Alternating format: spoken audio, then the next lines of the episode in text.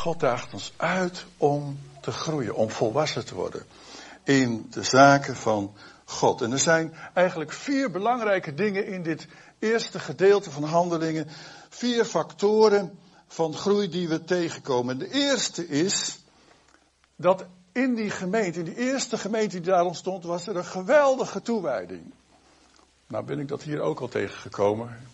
Eigenlijk razend enthousiast over wat ik de afgelopen maanden, weken al heb ervaren in deze gemeente. En met sommige mensen waar ik mee in contact ben gekomen. Wow, dit zijn gemotiveerde mensen met een stuk toewijding aan de Heer. Op die Pinksterdag hoorden zij dus met elkaar de, de, de, discipelen in, in, in tongen spreken, in vreemde talen spreken. En, en, en ze hoorden ook hen de grote daden van God verkondigen. Geweldige zaken die zij hadden ontvangen. Het thema van de prediking was altijd weer het wonderbare werk van de Heer Jezus Christus. Jezus was het thema van de prediking van die gemeente. En met dat thema en met die naam, daar waren ze bereid om uit te gaan en eventueel voor die naam te lijden. Als het gaat over toewijding, dan komt het erop aan van kun je en wil je jezelf ook toewijden als het je wat kost. Als het misschien pijn doet. Als het misschien niet ontvangen wordt. Als het misschien niet begrepen wordt. Wil je dan nog steeds toewijden aan de Heer? En ben je nog steeds bereid om de naam van Jezus over je lippen uit te spreken? Naar je vrienden, naar je kennissen. Deze eerste gemeente groeide in hun toewijding aan God. Zij, waren, eh, zij gaven niet toe aan de druk die er om hen heen was, om dan maar te zwijgen, maar om juist te midden van die druk eventueel te lijden, als het ging, over de naam van Jezus. Als het komt op toewijding, dan zou het misschien eens een prijs kunnen kosten. De apostelen werden dus ook opgepakt. Ze werden geschopt, geslagen, vanwege deze naam en vanwege deze prediking. We lezen in Handelingen 5 vers 41, zij gingen weg uit de tegenwoordigheid van de raad, waren verblijd dat zij waardig geacht werden omwille van zijn naam, de naam van Jezus, smaadheid te lijden. Wow, wat een toewijding. Geweldig. Als wij zo'n toewijding gaan leren hebben met elkaar. Wij leven in een vrij land. Achter kunnen mensen nog wel eens ja, je belachelijk maken misschien. Maar ben je bereid om die naam van Jezus te blijven noemen in je leven, je omgeving, waar je dan ook bent? Dat is toewijding. Daardoor groeien. Misschien ook door die tegendruk. Wij groeien in ons leven met God als we bereid zijn om ons leven toe te wijden. In onze diensten, en het zal ook hier gebeuren, is er vaak een oproep tot toewijding. Waarom doen we dat? Omdat toewijding elke keer weer een keuze is. Ik weet hoe het in jouw leven zit, maar in mijn leven is het zo dat ik, ja, ik weet dat ik, toen ik eh, elf was, heb ik een keer ja gezegd tegen de Heer. Klein jochie nog, achter in een samenkomst. God sprak tot mijn hart door middel van een vrouwelijke zendeling, grijs, 70 jaar oud. En ik zei ja tegen de Heer. Toen ik 15 was, weer toegewijd. En toen ik 18 was, weer. En toen daarna weer, weer, weer, weer, weer. Tot en met de dag van vandaag. En ook om mee te helpen in deze gemeente, heeft het voor mij best wel even een moment gekost van. Is dit van u, Heer? En als de Heer ja zegt, ben ik dan bereid om me daartoe toe te wijden. Om te zeggen van ja, moet je horen, ik heb alles al gehad in mijn leven in de bediening van God, 42, 44 jaar. Ik kan uh, ja, misschien een hele grote gemeente in het westen gaan leiden. Of, of Als u het wil en u het vraagt, ben ik bereid om me opnieuw gewoon weer toe te wijden. En zeggen ja, oké.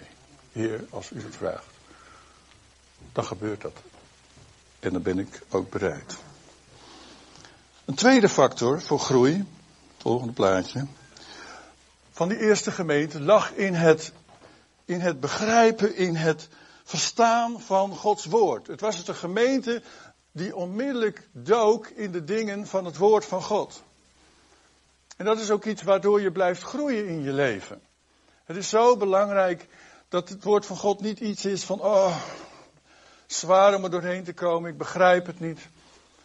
Maar dat het iets is wat een stuk wordt in je leven waarvan uit je kunt leven. Zij volharden in de leer, andere Bijbelvertaling zegt, zij bleven trouw aan het onderricht. Petrus preekte die eerste preek op die Pinksterdag. En hij haalde daarbij welke profeet aan? Wie weet het? Joel aan. Ja, hoe wist hij dat nou? Hoe wist hij dat nou? Juist. Het woord was in hem. Als het woord een deel van ons wordt, dan kunnen wij het ook dagelijks leven in welke omstandigheden wij dan ook komen. Maar brengt de Heilige Geest dat opnieuw tot ons. En in onze gedachten, en Petrus wist precies, hij verstond het woord van God ook. Wat Joel profeteerde gebeurt nu, hier. Maar dat betekende wel natuurlijk dat hij ermee bezig was geweest. Dat hij het ook kende. Peters hart en zijn gedachten werden toen door de Heilige Geest geleid naar datgene wat diep in zijn hart was. Het zal zijn in de laatste dagen, zegt God, staat er in Joel, dat ik zal uitstorten van mijn geest op alle vlees. En uw zonen en uw dochters die zullen profeteren. En jonge mannen zullen visioenen zien en ouderen zullen dromen dromen. En ook op mijn dienaren en mijn dienaressen zal ik in die dagen van mijn geest uitstorten en zij zullen profeteren. Peters verstond door de Heilige Geest dat deze dag nu was aangebroken. En dat principe van het blijven in het woord en het proberen het woord ook te begrijpen voor het moment waarin zij leven, was een principe waardoor die eerste gemeente bleef groeien. Niet alleen in aantal, maar ook in diepte. In Handelingen 3 bijvoorbeeld, een hoofdstuk verder, zien we dat de apostelen de profetie van, van Mozes aanhalen. Ze halen daar de profetie van Mozes aan. Dat was ook een tijdje geleden dat die profetie was geweest. Maar ook dat was in hun hart. Ze kenden dat uit hun hoofd, want dat waren Joodse mensen. Maar plotseling zagen zij en verstonden zij het woord. Wat voor betekenis het had voor dat moment. Het ging over de komst van de Messias. Waarin Mozes tegen de vader had gezegd, en dan lezen wij hoofdstuk 3 vers 22, de Heere uw God zal voor u een profeet laten opstaan uit uw broeders zoals ik, en naar hem moet u luisteren in alles wat hij tot u zal spreken. En het ging over Jezus. En ook al de profeten gaat iets, iets verderop in hoofdstuk 3. Vanaf Samuel en zoveel als het daarna gesproken hebben deze dagen aangekondigd. Het woord van God konden zij plaatsen in hun tijd voor hun leven. Als je als gemeente verder wil groeien, als je zelf verder wil groeien in de dingen van God, groei dan ook in het verstaan en het begrijpen van het woord. Ik heb wel eens preken gemaakt of gepreekt over hetzelfde hoofdstuk, hetzelfde woord, hetzelfde woorden en een tijd later kreeg het een heel andere betekenis omdat de omstandigheden ook anders waren geworden. Kennen jullie dat? Soms voor jezelf ook. Dan denk je van, oh, dit, hier heb ik al zo vaak iets over gehoord. Maar nu, plotseling, in deze omstandigheden waarin ik leef, heeft het een heel andere klank. Dringt het heel anders tot mij door. En God heeft dat zo bedacht voor zijn gemeente. De Heilige Geest liet hun dus zien dat alle profeten in principe de komst van de Heer Jezus hadden aangekondigd. Alle profeten van het Oude Testament hadden in principe de komst van de Heer Jezus aangekondigd. Toen de gemeente bijeen was in gebed voor Petrus en Johannes, die gevangen waren genomen, ja, het zal toch maar gebeuren, hè? dat sommigen van ons in de gevangenis terechtkomen. En er zijn in deze wereld nog steeds mensen die voor de naam van Jezus opgepakt worden en in de gevangenis terechtkomen. Maar toen gingen ze bidden en door dat gebed kwamen Petrus en Johannes vrij en plotseling gingen ze ook zien dat dat een vervulling was van Psalm 2. Waarin staat in vers 3, laten wij hun banden verscheuren en hun touwen van ons werpen. Want eerder had dat geen betekenis, totdat zij dat getuigenis hoorden van Petrus en Johannes, dat de boeien losvielen. Vanwege het gebed van de gemeente. Wow! Dus het woord en hun dagelijks leven kwam bij elkaar. Doordat zij groeiden in het verstaan van het woord. Ook voor hun persoonlijk leven. Volgende plaatje. Derde factor van groei. Die wij in de eerste gemeente tegenkomen.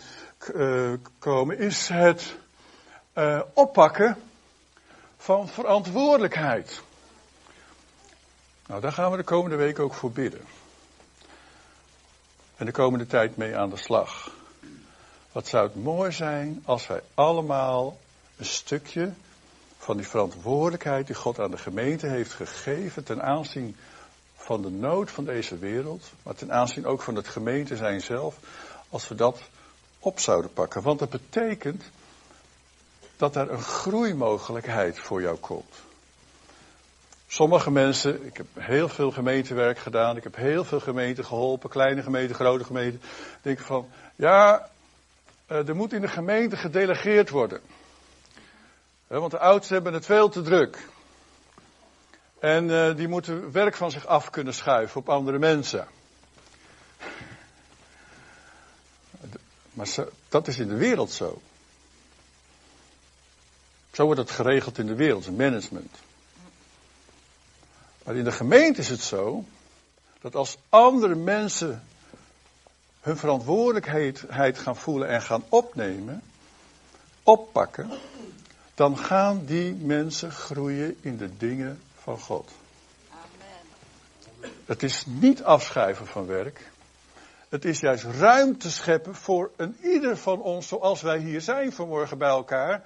Dat wij allemaal een stukje verantwoordelijkheid gaan leren dragen voor het plan van God. En eigenlijk dan ook zelf groeien. Maar ook de gemeente wordt krachtiger. Kun je je voorstellen? Hoe volwassener de gemeenteleden verantwoordelijkheid durven en kunnen dragen, hoe krachtiger de gemeente gaat worden. Daarom maak ik, maar ja, ik ben zendeling geweest, maar ook niet zo heel veel zorgen over het vertrek van Christian en Nathalie.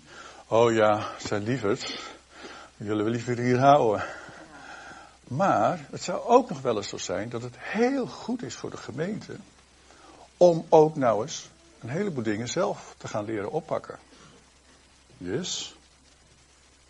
En het zou dus ook helemaal niet zo vreemd zijn dat God dat gaat zo bedacht heeft. Van oké, de gemeente moet ook weer verder verantwoordelijkheden oppakken. We kunnen niet alleen maar leunen tegen één man of tegen twee mensen of tegen drie mensen. Nee, we moeten allemaal een stukje van die verantwoordelijkheid pakken. En allen die geloofden, hoofdstuk 2, vers 44 en 45, waren bijeen en die hadden alles gemeenschappelijk. Wat betekent dat?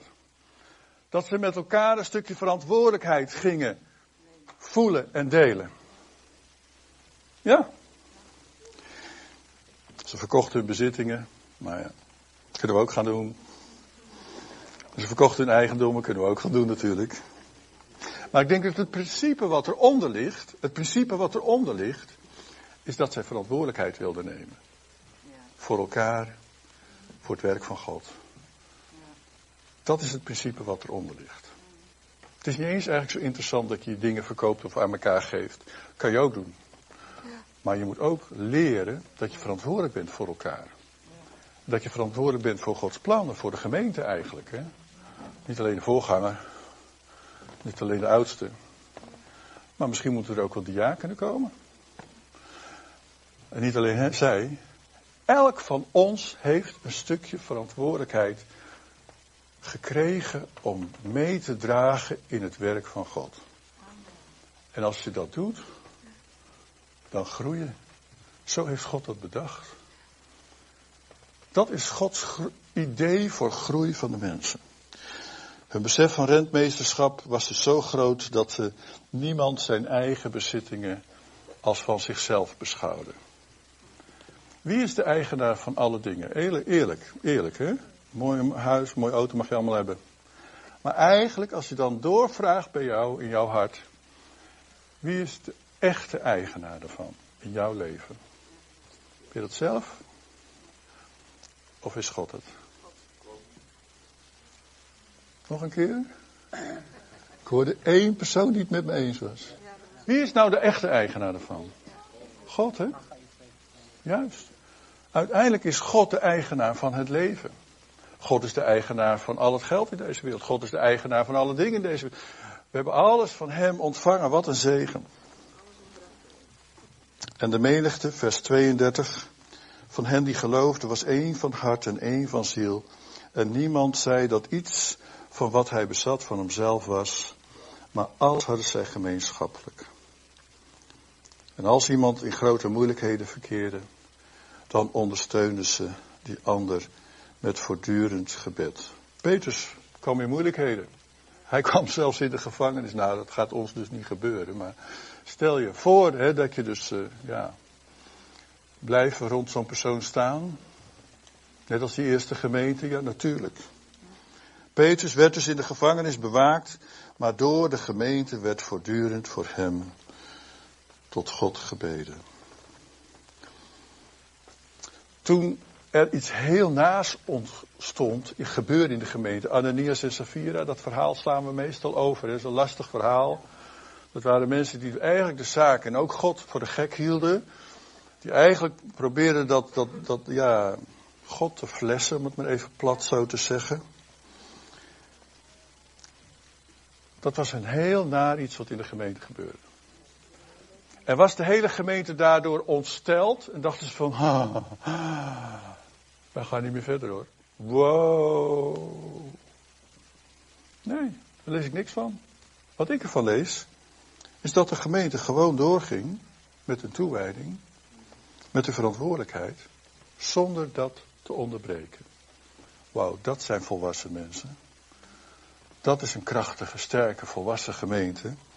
En eigenlijk is dat wel Gods plan voor de gemeente. Ik heb nog geen gemeente gezien die volmaakt is. Zeker niet als ik binnenstap. Maar de Heer wil wel dat wij verder groeien natuurlijk. Hè? Dat we niet hier blijven. Wat een uitdaging, wat een heerlijke uitdaging hebben wij gekregen. De gemeente reageerde dus heel volwassen. Gemeente reageerde heel volwassen ook toen, toen er dus een aantal weduwen waren onder, onder de Grieken. En, en ook uh, wezen. Die, die ergens een beetje buiten de boot vielden. In wat ze nodig hadden. En er werd wat geklaagd. Handelingen hoofdstuk. Ja, weet u het nog? Toen de diakenen aangesteld. Juist, handelingen hoofdstuk 6. Toen was dus ook even iets in de gemeente wat een beetje, ja, wat een beetje de evenwicht verstoorde, wat een beetje lastig was. Dat gebeurt overal, in elke gemeente gebeurt dit. En de Heer liet zien aan hen van jullie moeten dit gewoon goed regelen. Stel mensen aan die die dienst voor die weduwe en, en voor die wezen gaan, gaat, gaat doen. Ga dat niet alleen doen, apostelen. Dat redden jullie niet meer. Ga dat niet alleen doen, oudsten. Dat gaan jullie allemaal niet meer redden. Zeker als de gemeente groeit. Dan zullen er ook andere dienaren moeten zijn en mensen die meehelpen. Iedereen kan een stukje meedienen in de gemeente. Daar gaan we deze week ook voor bidden. Dat God ons daarin gaat leiden. Dat God ons de juiste mensen geeft. Dat we allemaal een stukje verantwoordelijkheid gaan leren dragen. Daar gaan we deze week voor bidden en vasten. Dat ook de leiding van de gemeente uitgebreid wordt. Groei ontstaat dus ook als we leren zorgzaam te zijn voor elkaar. Maar groei ontstaat ook als jij zorgzame hulp wil ontvangen. Nou, er zijn mensen die zijn verslaafd aan zorg geven. Ja, kom maar op. Wees maar eerlijk. Gods grote helper. En als je dan zelf eens een keer zorg nodig hebt, durf je dat dan ook te vragen in de gemeente? Van help mij eens een keer. Dat is heel normaal. En ook door dat te leren kwetsbaar te zijn, groei je ook. Daar groei je ook door. Niet alleen maar hulp geven, niet alleen maar samen zorgen, maar ook eens een keer als het nodig is, zeggen gemeente, help mij. Heer, help mij, maar ook gemeente, help mij. Ik heb even nu zelfhulp nodig. De vierde groeifactor, gaan we nu naartoe. Volgende plaatje. Zij groeide ook door de, de, door de bewogenheid die zij in, in hun hart voelde voor de onbereikte mensen. Nou, er werden 3000 mensen op die ene dag bereikt. Halleluja, zo'n opwekkingsmoment. Maar het was dus natuurlijk niet van dag tot dag 3000. Er moest ook gewoon vaak gewoon, ja, geëvangeliseerd worden, getuigd worden, verteld worden, gepredikt worden, uitgedragen worden. Maar in ieder geval op die eerste dag hè, van de grote oogst, als het ware, van de gemeente van Jezus Christus, zien wij dat er zoveel tot God kwamen. Zij loofden God, vers 47, hoofdstuk 2, vonden genade bij heel het volk. En de Heere voegde wel dagelijks, we weten niet hoeveel, de eerste dag 3000, maar ik schat het wel in dat het veel waren. Voegde dagelijks mensen toe die zalig werden.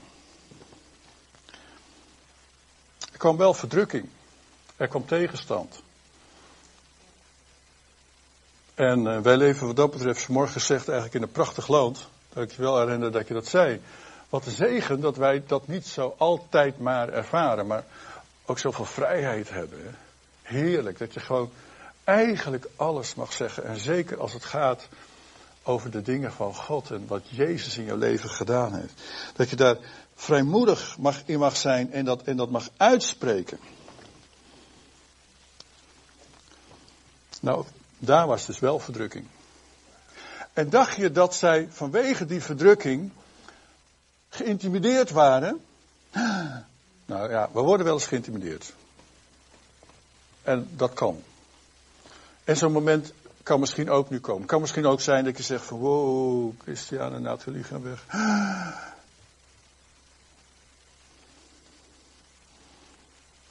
Weet je wat zij uh, baden? Hoofdstuk 4, vers 29 en 30. Nu dan, Heer, sla acht op, en dat was dan de bedreiging die zijn Jeruzalem ervaren, sla acht op hun bedreigingen. Geef uw dienstknechten met alle vrijmoedigheid uw woord te spreken, doordat u uw hand uitstrekt tot genezing en er tekenen en wonderen gebeuren door de naam van uw heilige kind Jezus. Ondanks, ondanks toch wel even voor hun de lastige omstandigheid, waren ze positief. Zeg, Heer, geef ons vrijmoedigheid. Heer, help ons om door te gaan. En toen velen uit hun huizen, ze werden zelfs uit de huizen verdreven, dat is toch iets wat je helemaal niet wil, dat het gebeurt met je. Um, vatten ze juist die gelegenheid aan, want daardoor werden ze verspreid. Ze konden niet meer op een plek wonen, ze moesten overal naartoe. Ze moesten eigenlijk vluchten. Vatten ze dat aan om de boodschap te vertellen. En zij dan, die overal verspreid waren, ze werden dus eigenlijk verspreid door heel um, um, Israël heen, sommigen gingen zelfs nog verder. Zij die dan overal verspreid waren, trokken land door en verkondigden het woord. Ze pakten gewoon de gelegenheid aan. En ze dachten, we laten het hier niet bij zitten. Groei ontstaat als we te midden van alles die bewogenheid blijven vasthouden voor de mensen die Jezus niet kennen. Nou, ik heb een tijdje ben ik in Alkmaar voorganger geweest. Ik heb een tijdje op zendingsveld gezeten, ook tien jaar. En uh, wow, wat waren die omstandigheden soms uh, echt, echt helemaal anders. Maar wat was het geweldig dat te midden van die omstandigheden mensen nog steeds tot Jezus kwamen. En ik geloof diep in mijn hart dat in de komende jaren in Zutphen er nog steeds mensen zijn die hun hart aan Jezus gaan geven. Amen.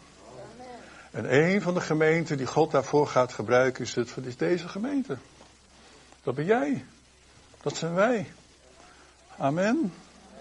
Dat er nog velen hun keuze gaan maken voor Jezus. Groei ontstaat als wij ons uit blijven strekken tot de verloren mensen om ons heen. Blijven doen. Eenvoudig. Gewoon vertellen wie Jezus voor ons is, voor mij is. Niemand kan het van me afpakken. Hoef ik ook niet bang voor te zijn. Dat is mijn verhaal. Maar Gods geest kan het gebruiken om het hart van die anderen aan te raken. We kunnen eens iemand meenemen naar de dienst. De meeste mensen die in Alkmaar tot de Heer kwamen, in de tien jaar dat we daar voorganger waren, die, die, die kwamen niet door de Heer omdat ik zo'n geweldig evangelist was. Ik ben uh, gewoon een voorganger, een prediker van het woord. Maar die kwamen doordat mensen in de gemeente, hun buurman, hun buurvrouw, hun vriend, op school, eens meenamen, kom eens, kom eens naar mijn kerk. Nou, daar hadden ze eerst al een tijdje voor gebeden, voor die mensen. Dat is mooi. Toen hebben ze ze opgehaald en meegenomen en weer terug naar huis gebracht. Dat hebben ze weken gedaan. En toen die mensen sommige dingen niet begrepen in de, in de kerk, toen hebben ze dat allemaal aan hun uitgelegd. Nee, niet ik. Nee, de gemeenteleden. Die deden dat. En toen op een gegeven moment, nadat ze misschien een paar keer geweest waren, zo'n zalving van Gods geest was in de gemeente dat dat woord op dat moment precies hun hart raakte, kwam die persoon tot geloof. En toen hadden ze gelijk een nazorgwerker. Ook niet ik, nee, diezelfde persoon die we meegenomen had. Dat was de nazorgwerker. Die bleef voor hun bidden, die bleef voor hun uitleggen, die bleef hun opzoeken, die bleef hun meenemen. Ik heb een gemeente zien verviervoudigen in Alkmaar, doordat de gemeente tot leven kwam. De gemeente kwam tot groei, de gemeente pakte het op. De gemeente met elkaar zeiden van laten wij gemeente zijn met elkaar voor de Heer Jezus Christus. Niet alleen de oudsten, die hebben genoeg verantwoordelijkheid. Niet alleen de pastor, de voorganger, maar wij allemaal. Wij willen ook allemaal groeien in die dingen van God. Ook zending ontstond er in die tijd. Vanuit Antiochië. Wie is wel eens in Antiochië geweest? Hou je een keer met me mee, dan gaan we naar Antiochië. Ik ben er wel eens geweest. Ja, dat is dus een, een, een kerk in de rots. Eigenlijk, hè. Want het, was toch een beetje, moest toch een beetje verborgen blijven nog.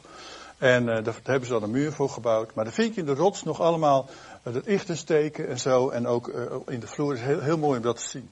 Daar werden ook de eerste, de eerste volgelingen van Jezus christenen genoemd. En van daaruit, het ligt dus een havenplaats, je kijkt zo de Middellandse Zee op, ging Paulus zijn eerste reizen aanvatten. Hij vertrok vanuit Antioch, had een vergezicht als het ware voor die landen die nog bereikt moesten worden met het evangelie. Daar begonnen die eerste apostolische zendingsreizen. En ik geloof dat de gemeente die leeft en actief is, is een zenden, zendende gemeente. Is een zendingsgemeente. In Alkmaar steunden we twaalf zendelingen. Uh, ik had af en toe daar wel eens uh, discussie over met de penningmeester. Van uh, hoe, hoe ga, gaat dat zo door? Maar wat wij konden, probeerden we te doen met elkaar. Wat we konden, probeerden we te doen. Ik weet ook dat deze gemeente onder andere de Longridges steunt. Wie kent de Longridges? Ja. Die zijn ook uitgegaan via VPE-zending naar. Uh, want wij, wij, wij, wij voorzien van alle ja, praktische uh, en, en, technische uh, know-how die ze moeten hebben. Dat doen we dus ook bij Christian en Nathalie zodat zij op een goede manier uit kunnen gaan. Ik geloof dat een zendingsgemeente, een zendende gemeente, een krachtige gemeente wordt. Omdat zij voortdurend, dat heeft te maken met, met, met hun bewogenheid voor de onbereikte mens. Hebben we de Heilige Geest niet ontvangen uiteindelijk om getuige te zijn in Jeruzalem, Judea, Samaria, tot aan het uiterste van deze aard. Tot de stegen en de sloppen. Zutphen. Tot aan Zutphen zelfs. Nee, maar ook tot aan het uiterste der aarde. Alle volken. Alle volken is Jezus voor gestorven. Amen. Alle volken. Dat is Jezus. En zij hoorden te weten. En Christian en Nathalie gaan dan in augustus ongeveer of juni, juli naar Aruba. Volgende plaatje. Dat zijn ze dan, hè? Ja. Oh. Zij dan. Wat is daarvoor nodig? Een biddende. Een biddende. Maar ook een gevende gemeente. Ik hoop dat dit een gemeente zal worden, zal zijn, die genereus is in het geven. Zeker als het daar, gaat om Gods, daar om Gods werk gaat en zending. En wij gaan hun, hun vertrek gaan wij voorbereiden met elkaar biddend. Ook deze week zal er een moment zijn waarin we ook voor hen kunnen bidden. En jullie hebben allemaal uh, dit gezien, hè? Deze machtiging. Dat is een doorlopende machtiging. Zo werkt het namelijk. Wij, wij, wij als VP-zending uh, hebben 50 zendelingen nu op het zendingsveld. En allemaal worden ze ondersteund door heel veel gemeenten.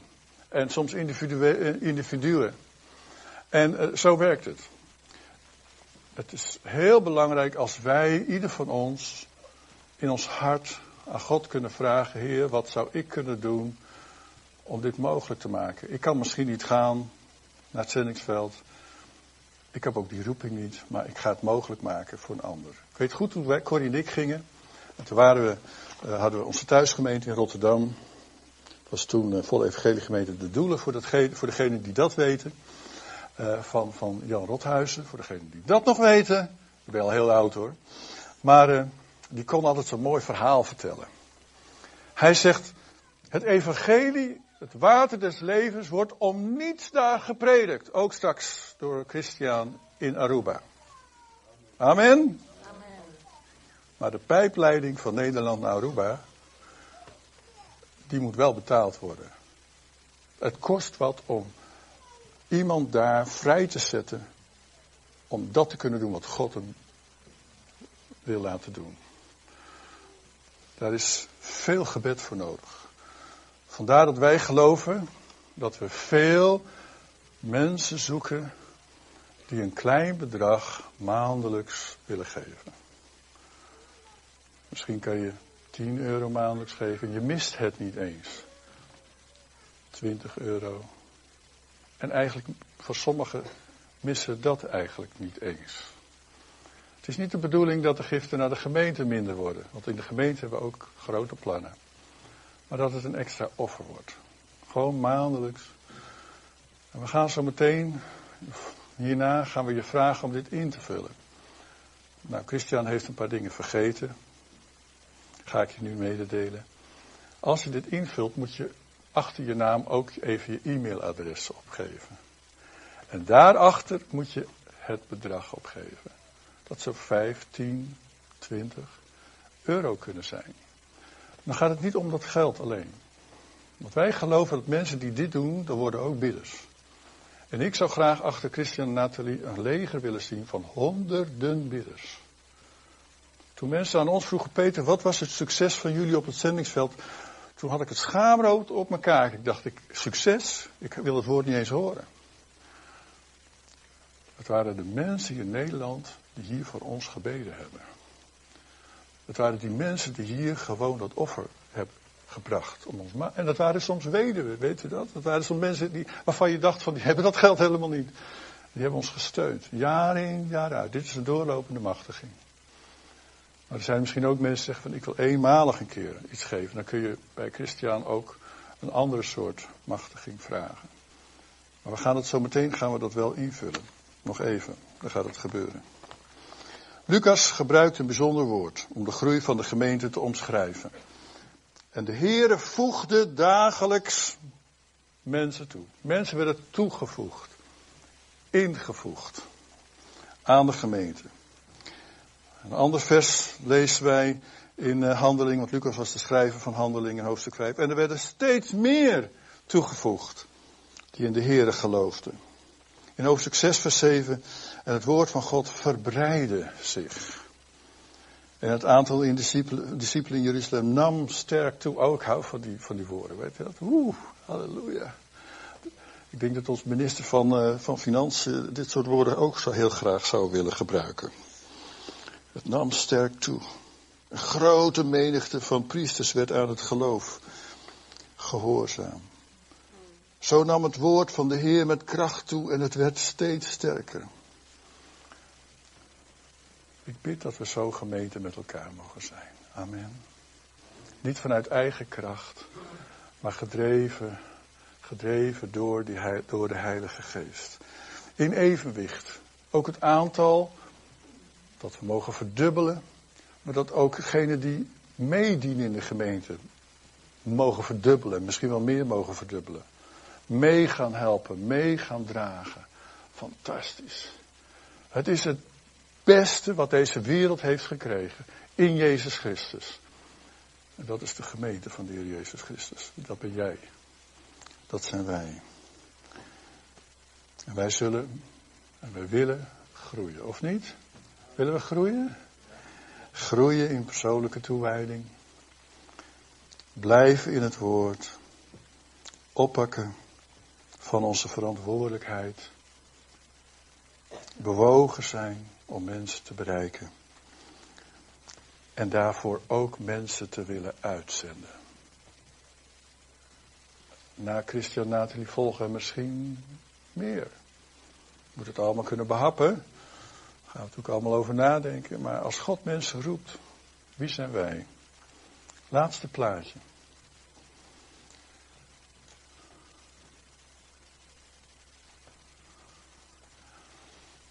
Hoeveel gaan we groeien? Ik weet het niet. Maar als de omstandigheden goed zijn, met elkaar de Heer zoeken, omzien naar elkaar, veilige omgeving, bereidheid tot offers brengen. Als alle omstandigheden goed zijn, dan kan het niet uitblijven, lieve mensen, dat deze gemeente een grote impact gaat krijgen in deze omgeving. Amen. En dat gaat dus niet over mij. En dat gaat uh, ook niet over Carlino. En ook niet over Jeroen. Ook niet over Arenda. En ook niet over Willeke. Het gaat over jou. Want gemeente, dat zijn we samen. je staat niet in de file, je bent de file, heb ik al eens een keer gezegd. Je gaat niet naar, de gemeente, maar je bent zelf de gemeente. En God vraagt van ons, laatste plaatje. Toewijding. Toewijding. Het woord, in het woord blijven. Verantwoordelijkheid. Bewogenheid. En dan gaat Leef Zutphen leven doorgeven. Amen? Oh, we staan er straks bij we kijken ernaar en het gebeurt. Oh, halleluja. Wat zullen de oudsten blij zijn. En ik ook. Als we dat zien gebeuren met elkaar. En daar heeft God jou voor nodig. Ik denk dat we een moment gaan uh, kunnen staan en laten we elkaar een hand geven. In gebed gaan. En nadat we dat gedaan hebben, wil ik dat je bid ook een moment, terwijl we bidden ook van Heer, wat mag ik doen? Om ook uh, deze uitzending van, van Christian Nathalie echt te zegenen. Wat mag ik maandelijks doen? We beginnen nu, omdat er tickets moeten komen, er moeten, moeten dingen worden verhuisd. Er zijn veel onkosten in het begin. Vandaar dat we ook nu beginnen. Maar fantastisch als wij een levende gemeente zijn, die zo het leven wat wij hebben ontvangen in Jezus Christus gaan doorgeven. Is dat niet fantastisch? En dan, gaat, en dan, gaan, en staan we erbij en dan zien we het gebeuren en dan gaat God dingen doen. Amen. Ik wil deze zuster graag even Vader, dank u wel dat wij tot u mogen komen. Heer, u heeft zo die principes gelegd in het ontstaan van uw kerk. En die principes zijn niet veranderd. Die zijn nog steeds hetzelfde.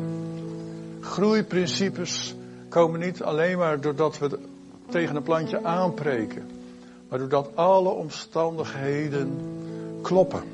En zo willen we elkaar vasthouden, Omdat we aan elkaar gegeven zijn in Jezus Christus. We willen elkaar vasthouden. Heer, omdat wij elkaar mogen dienen en mogen helpen daar waar noden zijn. We mogen elkaar vasthouden, Heer, omdat we samen uw woord willen doorleven.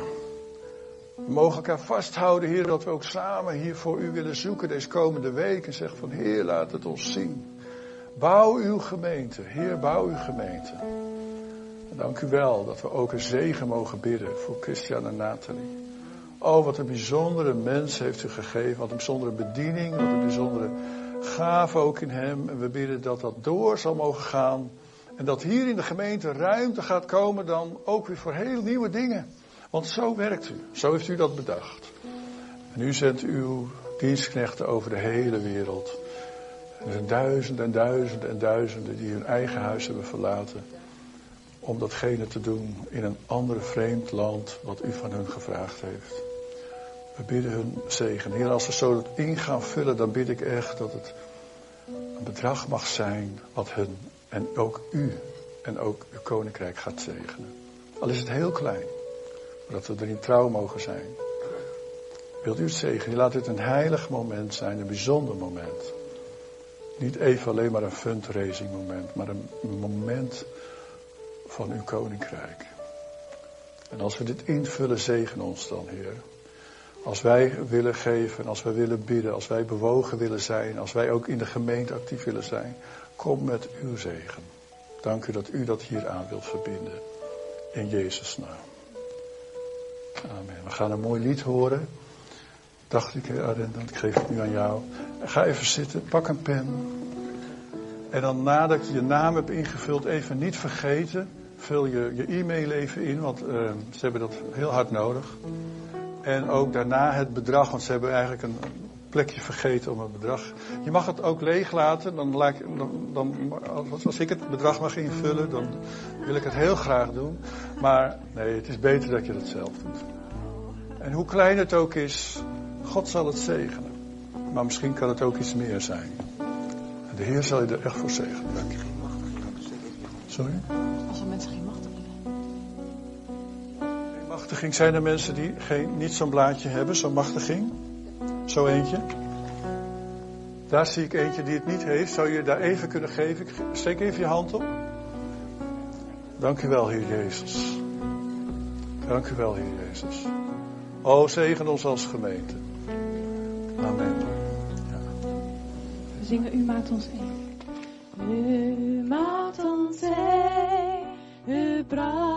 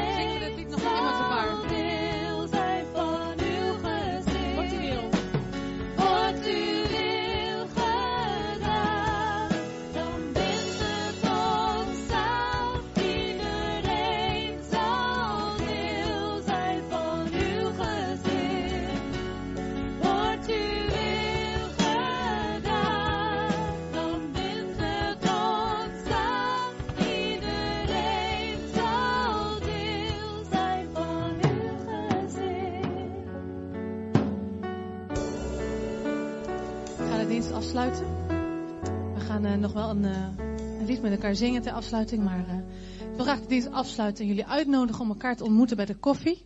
Of misschien vanmiddag, misschien door de week, komende week. Steun elkaar als je misschien best wel wat honger hebt.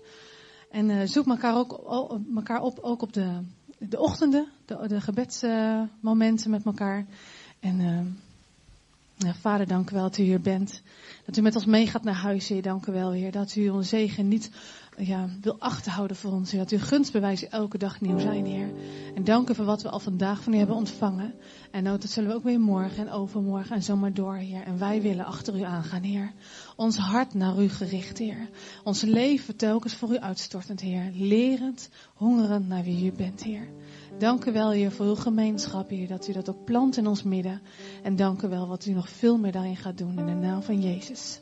Amen. De machtigingen. Ik heb net ook gehoord, als je geen IBAN-nummer kunt opschrijven, gewoon je rekeningnummer. Alle machtigingen gewoon in de mandjes. Wij zorgen dat het goed komt.